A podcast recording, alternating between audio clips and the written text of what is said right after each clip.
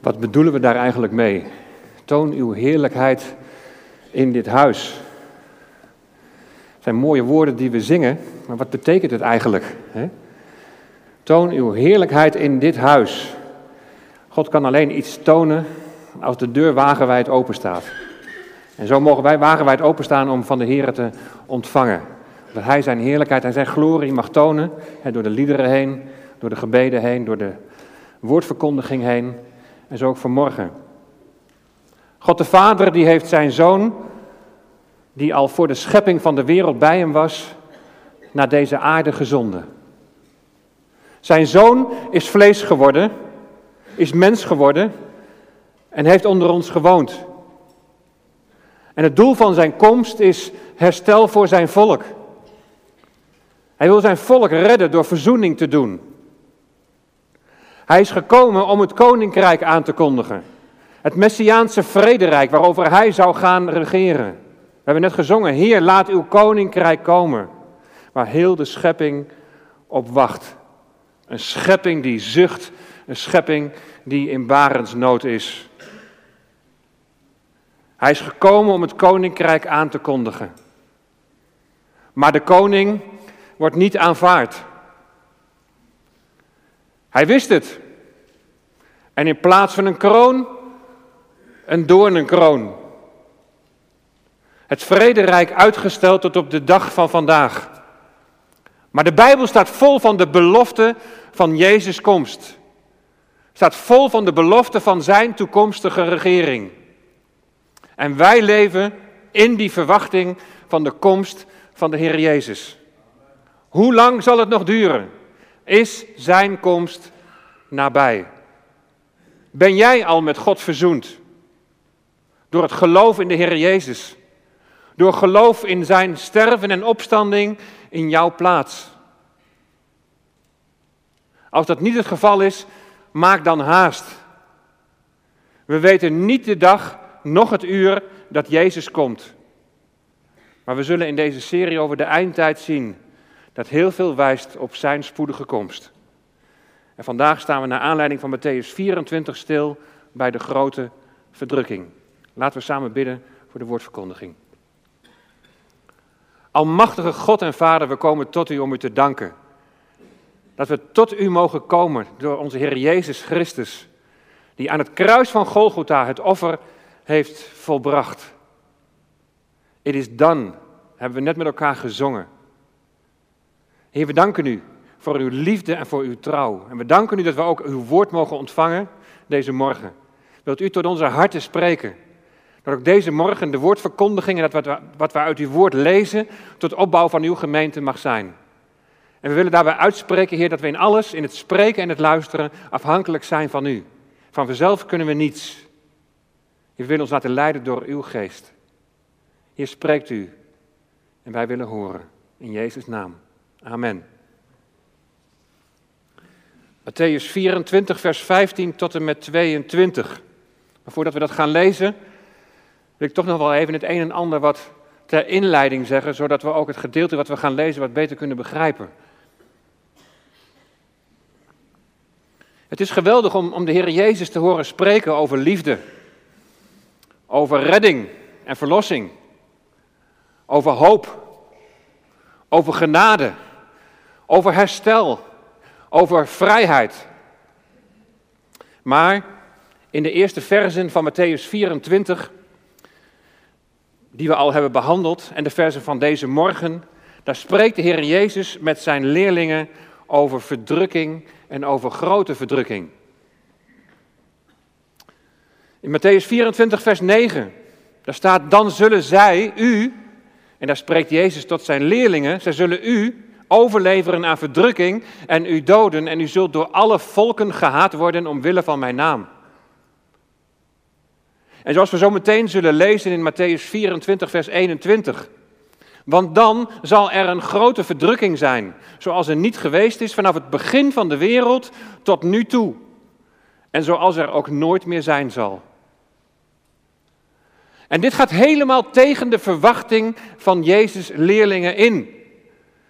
Als zij de profeten van het Oude Testament goed hebben begrepen, dan zal de Messias, die zal vrede, herstel en bloei brengen. Maar het antwoord naar de fariseeën, de geestelijke leiders die het volk vertegenwoordigen, is in Matthäus 23 duidelijk. Jezus zegt tegen hen, maar jullie hebben niet gewild. Want vrede, herstel en bloei is verbonden met Jezus als Messias. En daar ligt het grote probleem. Jezus wordt afgewezen. En daarom nog geen vrederijk. Integendeel, Jeruzalem, inclusief de tempel, zal worden verwoest. Wanneer zullen deze dingen gebeuren? vragen de discipelen. Wanneer zal Jeruzalem verwoest worden? En wat is het teken van uw komst? En daarmee zeggen de leerlingen: Wanneer zult u dan koning worden? Wanneer zal dan dat Messiaanse rijk, wanneer zal dan dat vrederijk aanbreken? Wanneer zal daar sprake zijn van uw koninklijke tegenwoordigheid? Uw zichtbare koninklijke tegenwoordigheid? Wat is dan het teken van de voleinding van de wereld? Van deze aion?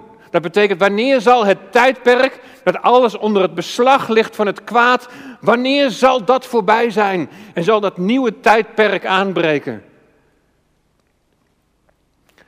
Vorige week waren wij in Christengemeente De Rots in Middelharnis en daar zongen we in een lied dat het eens zal zijn zoals het hoort te zijn. Geen tranen, geen aardse pijn, nooit meer schuld, nooit meer spijt. De macht van het kwaad voorbij. En wat zal dat geweldig zijn? Maar voor Jezus' komst, als koning voor zijn volk, die komst die later in Matthäus 24 wordt beschreven en die we volgende week zullen gaan behandelen. Voor de komst van de Heer Jezus zal er eerst nog een tijd zijn van verdrukking. Uiteindelijk zelfs een grote verdrukking. En ik heb de eerste keer wat deze serie betreft al, al aangegeven dat er meerdere visies op de eindtijd zijn. En het is goed om je, om je daar bewust van te zijn. Ook over het begrip grote verdrukking, daar wordt heel verschillend over gedacht. Maar voordat we daarna verder gaan kijken, is het eerst belangrijk om gewoon met elkaar eens te gaan kijken naar het begrip profetie. Wat is dat nou eigenlijk, profetie? En dan heb ik het over datgene wat de, profeten in het Oude Testament hebben voorzegd. Zij hebben voorzegd wat zal gaan gebeuren.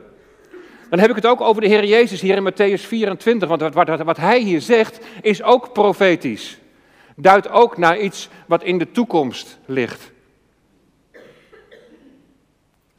Hier zie je een plaatje hoe het werkt met profetie en de vervulling daarvan.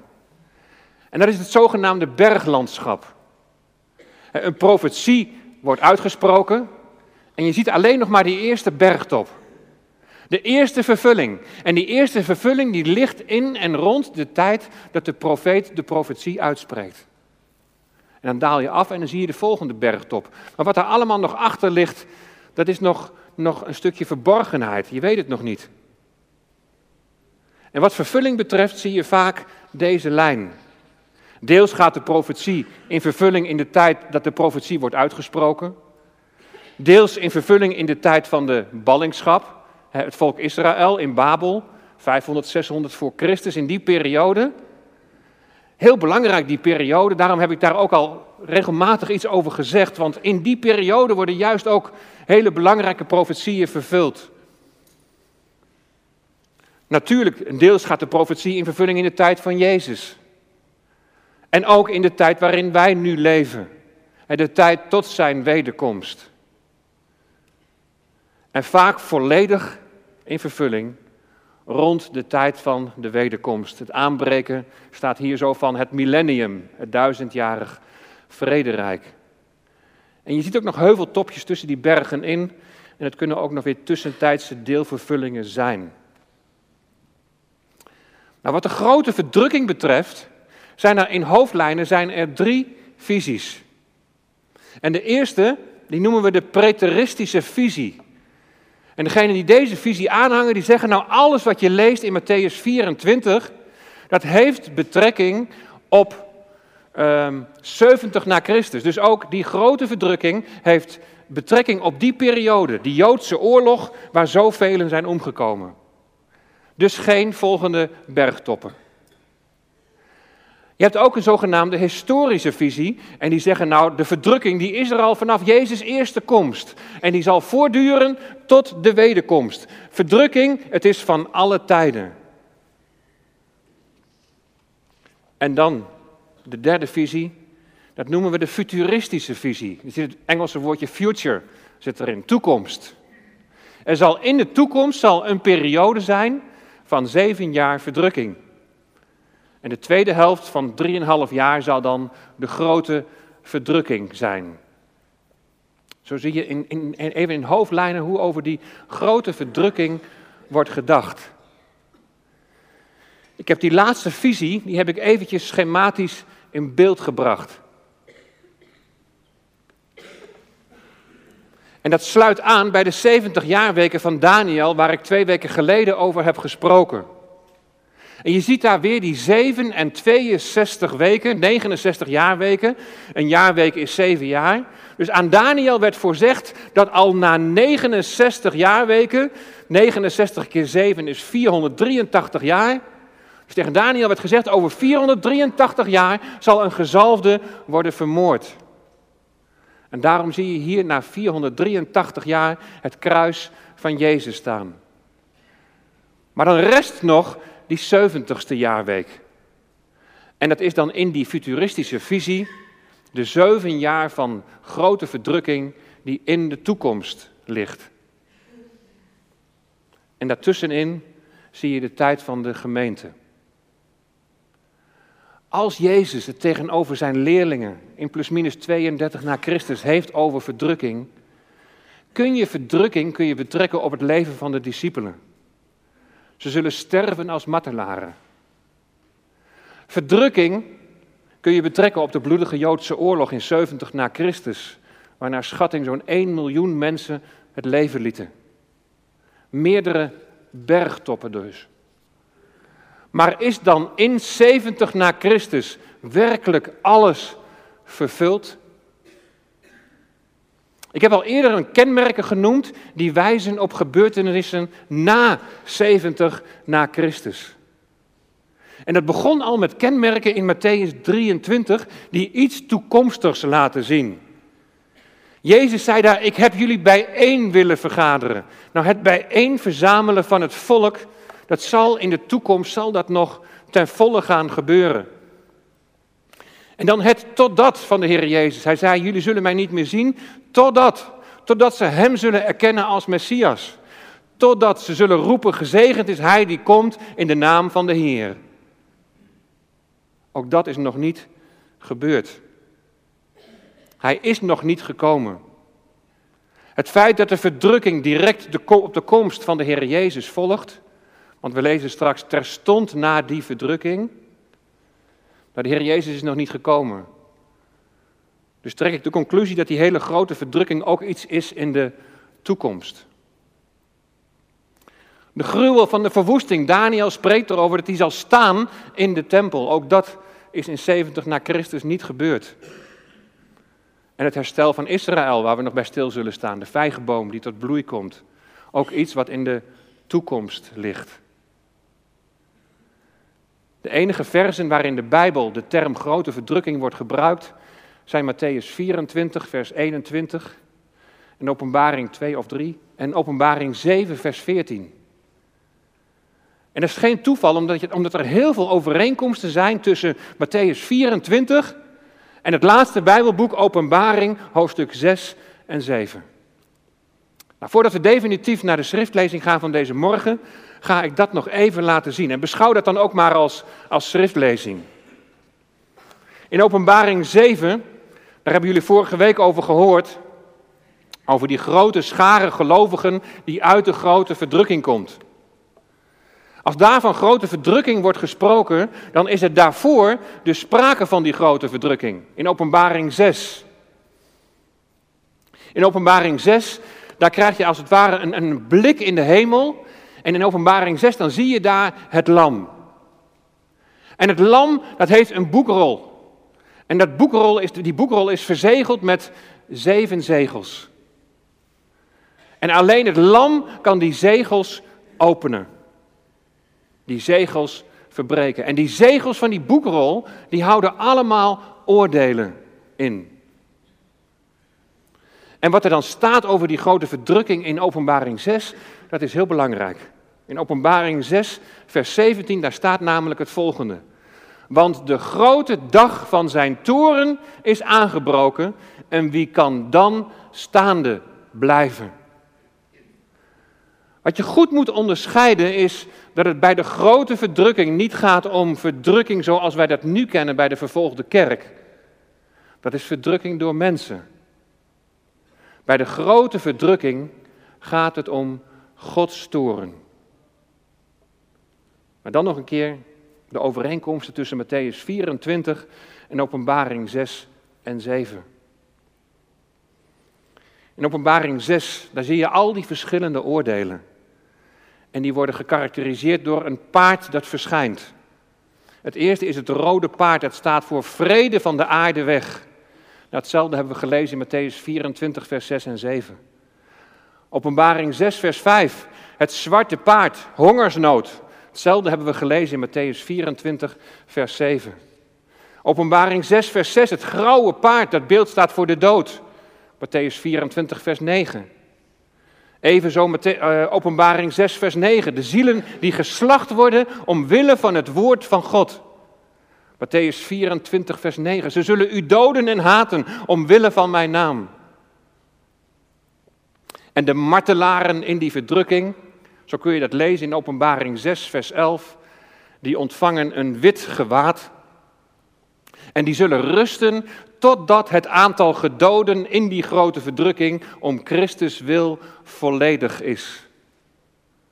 En dan gaat het verder in Openbaring 6, vers 12 met de aardbeving, de zon zwart, de maan als bloed. Zelfde verschijnselen zien we ook in Matthäus 24. Openbaring 6, vers 13, sterren die van de hemel op de aarde vielen.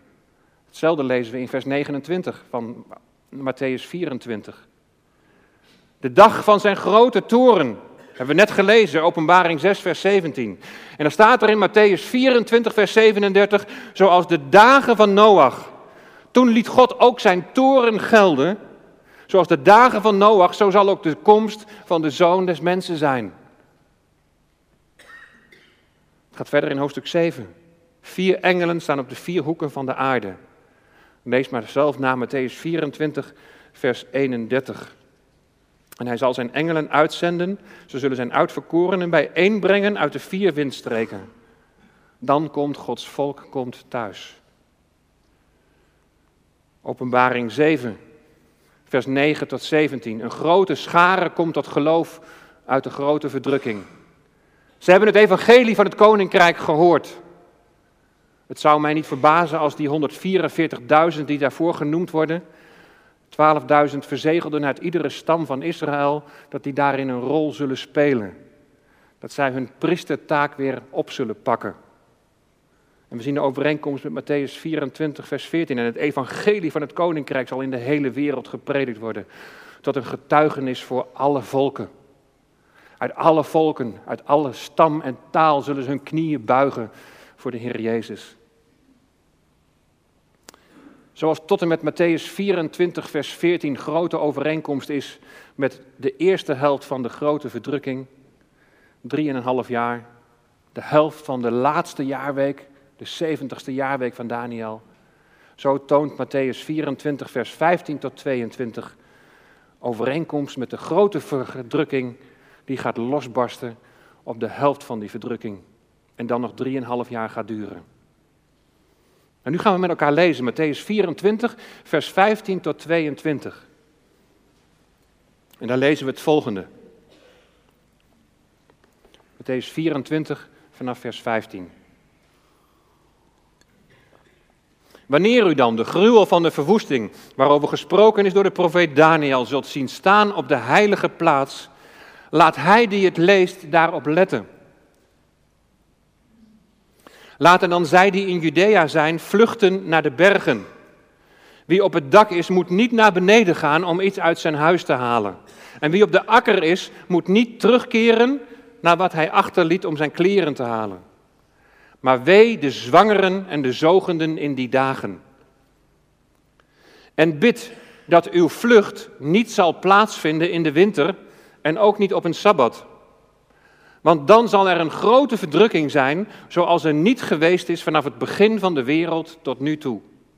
En zoals er ook nooit meer zijn zal.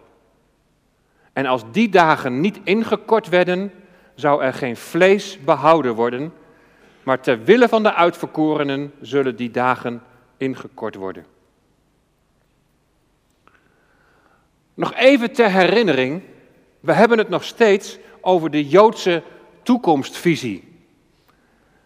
En later, en met name ook volgende week, dan zullen we kijken hoe het plaatje van de gemeente daarin past.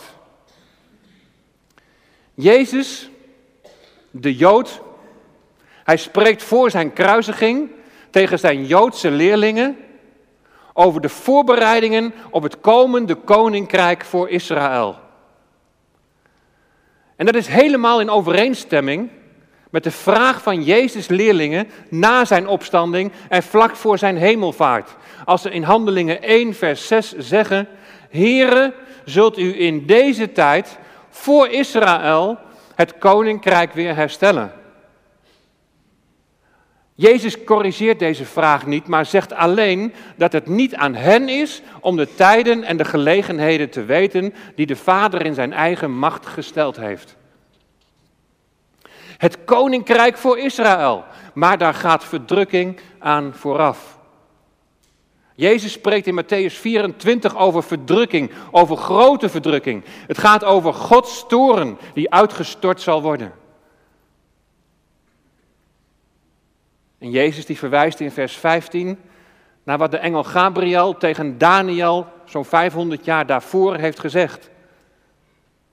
In Daniel hoofdstuk 11 vers 31 waar staat dat in het heiligdom een verwoestende gruwel zal worden opgesteld. In Daniel 12, daar wordt gesproken over een tijd van benauwdheid. Aan het einde daarvan, in vers 8, daar zegt Daniel dat hij het wel hoort, maar dat hij het niet begrijpt. Het, voor, het is voor hem niet te vatten van wat hier nou wordt bedoeld. En dan krijgt Daniel, die krijgt in vers 9 als antwoord, ga heen Daniel, want deze woorden blijven geheim en verzegeld tot de tijd van het einde. In vers 4 werd het ook al tegen hem gezegd. Hij moest het boek verzegelen tot de tijd van het einde. En dan staat er iets wat heel interessant is. Velen zullen het onderzoeken tot op de dag van vandaag. En de kennis zal toenemen. In Daniel 12, vers 1 staat dat het een tijd van benauwdheid, een tijd van grote verdrukking zal zijn. En als je nu ziet in Matthäus 24 dat de grote verdrukking direct wordt gevolgd door de komst van de Heer Jezus, dan gaat het over een verdrukking in de toekomst, want Jezus is nog niet gekomen. Dan komt er nog een gruwel der verwoesting. Openbaring heeft het over een afgodsbeeld. En aangezien er wordt gesproken over offers en een afgodsbeeld op een heilige plaats, wordt verondersteld dat er weer een tempel zal zijn. De tempel waar Ezekiel van geprofiteerd heeft. Het grote bezwaar dat wordt aangevoerd is dat Israël dan nog door die grote verdrukking moet. Zeker als je gelooft dat de gemeente voor die verdrukking zal worden opgenomen, dan wordt dat door anderen als zeer onrechtvaardig gezien.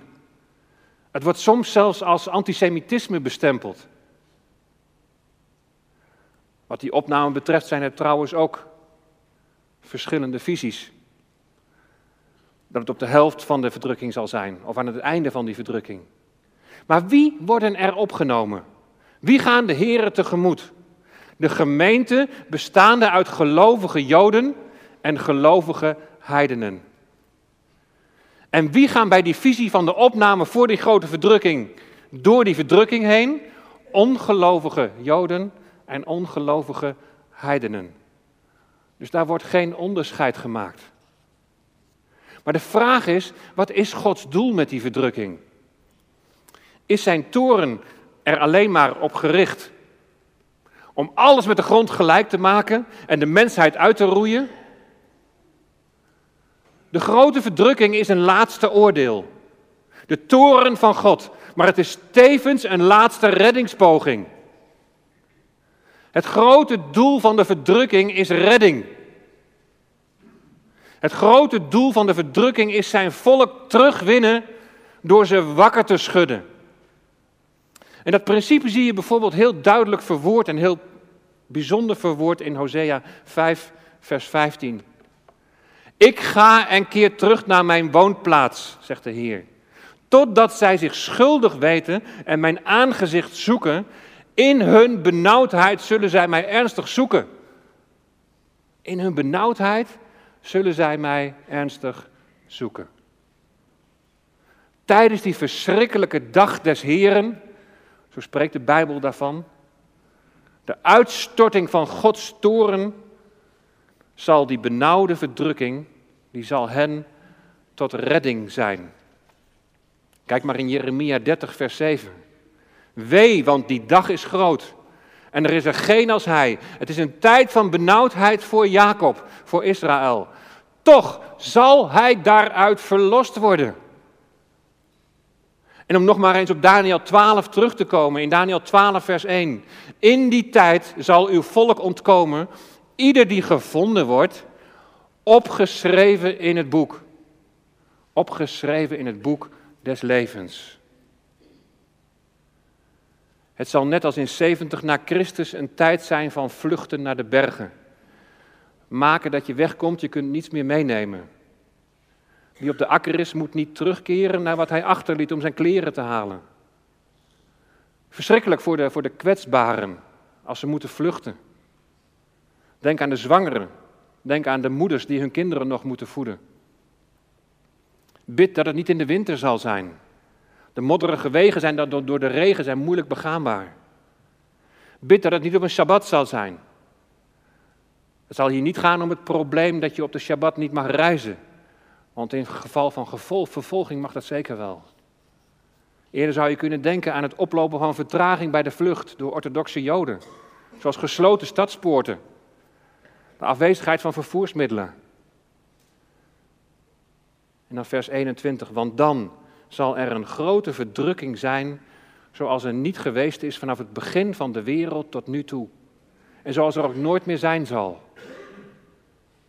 Er zal een grote verdrukking zijn wanneer je de gruwel van de verwoesting zult zien staan op de heilige plaats. Wat is de overeenkomst nou met het boek Openbaring? Openbaring 13, daar zie je dat tijdens die verdrukking een beest opkomt uit de zee. De draak, de duivel is dat, die geeft hem kracht, zijn troon en grote macht. De hele aarde, de hele volkerenzee loopt dit beest, deze politieke leider achterna. Een heerser in de eindtijd de antichrist. 42 maanden, 3,5 jaar lang opent hij zijn mond om God te lasteren en oorlog te voeren tegen de heiligen. Allen van wie de namen niet staan opgeschreven in het boek des levens, die zullen dit beest, deze politieke leider, zullen zij aanbidden. En dan komt er ook nog een beest op uit de aarde. Een geestelijke leider, de valse profeet. En die zegt dat de mensen het eerst, het eerste beest moeten aanbidden. En mensen worden misleid door grote tekenen. En hij zegt tegen de mensen die op de aarde wonen dat ze een beeld moeten maken voor het eerste beest, de antichrist. En de mensen die dit beeld niet aanbidden, die deze gruwel der verwoesting niet aanbidden, die zullen die verwoesting meemaken, want zij zullen worden gedood. Een grote verdrukking. Godstoren de dag des Heren die zal aanbreken. Een laatste tijd, in het laatste der dagen, om mensen wakker te schudden. In hun benauwdheid zullen zij mij ernstig zoeken. Een grote verdrukking met het diepe verlangen om zijn volk te redden. Tegen het einde van die grote verdrukking zal het overblijfsel van Israël, een rest. In die zin zal gans Israël behouden worden. En dan zal gebeuren wat geschreven staat in Zacharia 12, vers 10. Maar over het huis van David en over, over de inwoners van Jeruzalem zal ik de geest van de genade en van, van de gebeden uitstorten. Zij zullen mij aanschouwen, die doorstoken werd. Zij zullen over hem rouw bedrijven als met de rouwklacht over een enig kind. En ze zullen over hem bitter klagen zoals men bitter klaagt over een eerstgeborene. Verdrukking, toren van God, maar gericht op herstel. Herstel voor zijn volk. De dorre doodsbeenderen komen tot leven, komen geestelijk tot leven. En dan komt er ook een grote schare uit de volken in de grote verdrukking alsnog tot de Heer Jezus. Bekleed met witte gewaden en palmtakken in hun hand. Hier gaat het tot dan van Matthäus 23 in vervulling. Totdat u zegt, gezegend is hij die komt in de naam van de Heer. Die grote schare die komt uit de grote verdrukking. En ze staan voor de troon. En ze roepen met luide stem, de zaligheid is van onze God, die op de troon zit en van het lam. En zij wierpen zich voor de troon met hun aangezicht ter aarde en ze aanbaden God. En zij zeiden, amen. De lofprijzing, de heerlijkheid, de wijsheid, de dankzegging, de eer, de kracht en de sterkte is aan onze God tot in alle eeuwigheid. Amen. De vraag die ik zou willen stellen is, ondanks het feit dat het hier over een specifieke groep mensen in die verdrukking gaat, herken je iets van jezelf met betrekking tot je houding ten opzichte van het lam, de Heer Jezus. Je hebt door het bloed van de Heer Jezus volle vrijmoedigheid om voor Zijn troon te komen.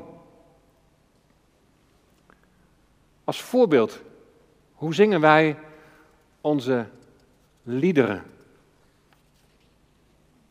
Laten we teruggaan naar die grote schare die voor de troon komt. Staande in overtuiging, met luide stem, gericht op het lam. En vanuit deze houding werpen ze zich neer voor zijn aangezicht, met hun aangezicht ter aarde en ze aanbidden God. De lofprijzing, de heerlijkheid, de wijsheid, de dankzegging, de eer, de kracht en de sterkte is aan onze God tot in alle eeuwigheid. Dat is aanbidding. Ze zijn voor de troon van God en ze dienen Hem dag en nacht in de tempel. Hun zijn staat in het teken van het lam. Het lam op de troon.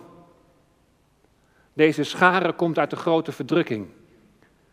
Maar herkennen wij ons? Herken jij je in deze gelovigen vandaag? Of moet God jou of mij ook wakker schudden? Wat zegt Jezus allemaal over de fariseeën en de schriftgeleerden in aanloop naar Matthäus 24? Ze zeggen met hun mond hoe je moet leven, maar ze doen het zelf niet. Ze doen hun werken om door mensen meer gezien te worden. Ze willen door mensen rabbi, meester genoemd worden. Het gaat om aanzien, het gaat om status. Ze bidden voor de schijn. Het lijkt heel wat, maar het stelt niets voor.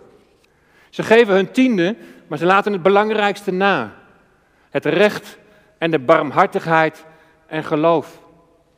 Van de buitenkant zien ze er goed uit, maar van binnen zijn ze vol van onreinheid. En tot deze zegt Jezus: slangen, adderengebroed, hoe zou u aan de veroordeling van de hel ontkomen? Als we ons niet herkennen aan die verlosten uit de grote verdrukking, juichend voor de troon, aanbiddend, buigend, vol ontzag. Moeten we dan niet wakker geschud worden? De fariseeën en schriftgeleerden zijn mensgericht in plaats van God gericht. Een zorg ook voor vandaag. Een citaat uit de nieuwsbrief die jullie vorige week van Oscar hebben meegekregen. Moet God vooral ons dienen en Jezus vooral nuttig voor ons zijn? Of zijn wij bereid om Hem te gaan dienen, koste wat het kost? Wat is je gerichtheid en wat is je innerlijke verlangen? In discussies over de grote verdrukking hoor ik zelden dat het gaat over de uitstorting van Gods toren. En wellicht dat dit ook helemaal niet meer past in ons godsbeeld. God is vooral liefde. Maar we vergeten dat God ook rechtvaardig is. In hun benauwdheid zullen zij mij ernstig zoeken. En nog even los van die benauwdheid en van, van die verdrukking. Hier zie je waar God naar verlangt. Hij verlangt dat jij Hem ernstig zoekt. En dat is niet een zoeken om, om, omdat Hij niet te vinden is, maar een zoeken, een verlangen om in gemeenschap met Hem te leven. Je leven dagelijks aan Hem toe te wijden. In de praktijk van je dagelijkse leven. Tijdens je werk, onder je collega's, in je omgang met mensen, in je gezin, in je huwelijk. Nog los van hoe het allemaal zal gaan. Nog los van het feit dat het hier in eerste instantie gaat om een Joodse toekomstverwachting. Nog los van de vraag of de gemeente nu wel of niet of, of deels door die verdrukking gaat. We zien hier hoe ernstig God de zonde neemt. We zien hier dat God wil dat mensen Hem ernstig zoeken. Hij wil gevonden worden. Hij wil herstel door bekering. Maar we gaan zo meteen de maaltijd van de Heer met elkaar vieren. Jezus gaf zijn leven. Herstel voor jou in de relatie met God. Door bekering, vergeving van zonde. Jezus stond op uit de dood en hij gaf jouw leven. Eeuwige leven. En in dat leven, totdat we zullen sterven, wil hij je vormen en kneden. Jou veranderen naar het beeld van de Heer Jezus. En een aspect van die vorming is je zonde beleiden. Je dagelijkse bekering. Als je daar heel mensgericht op reageert, dan redeneer je als volgt. Dan laat ik mijn zonde maar beleiden, want anders mis ik de zegen van de Heer. Dat is een redenatie vanuit de wet. Als ik gehoorzaam, dan zegent Hij mij. Als ik zondig, dan vervloekt Hij mij. Als je godgericht hierop reageert, dan redeneer je als volgt. Ik wil mijn zonde beleiden, want als ik dat niet doe, dan doe ik de eer van God tekort. Dan gaat het er niet in de eerste plaats om dat ik iets tekort kom, maar dat Hij iets tekort komt. En als wij onze zonde beleiden, Hij is getrouw en rechtvaardig om al onze zonden te vergeven. Dat is een belofte. Een wake-up call. Van mensgericht naar God gericht. Zijn eer.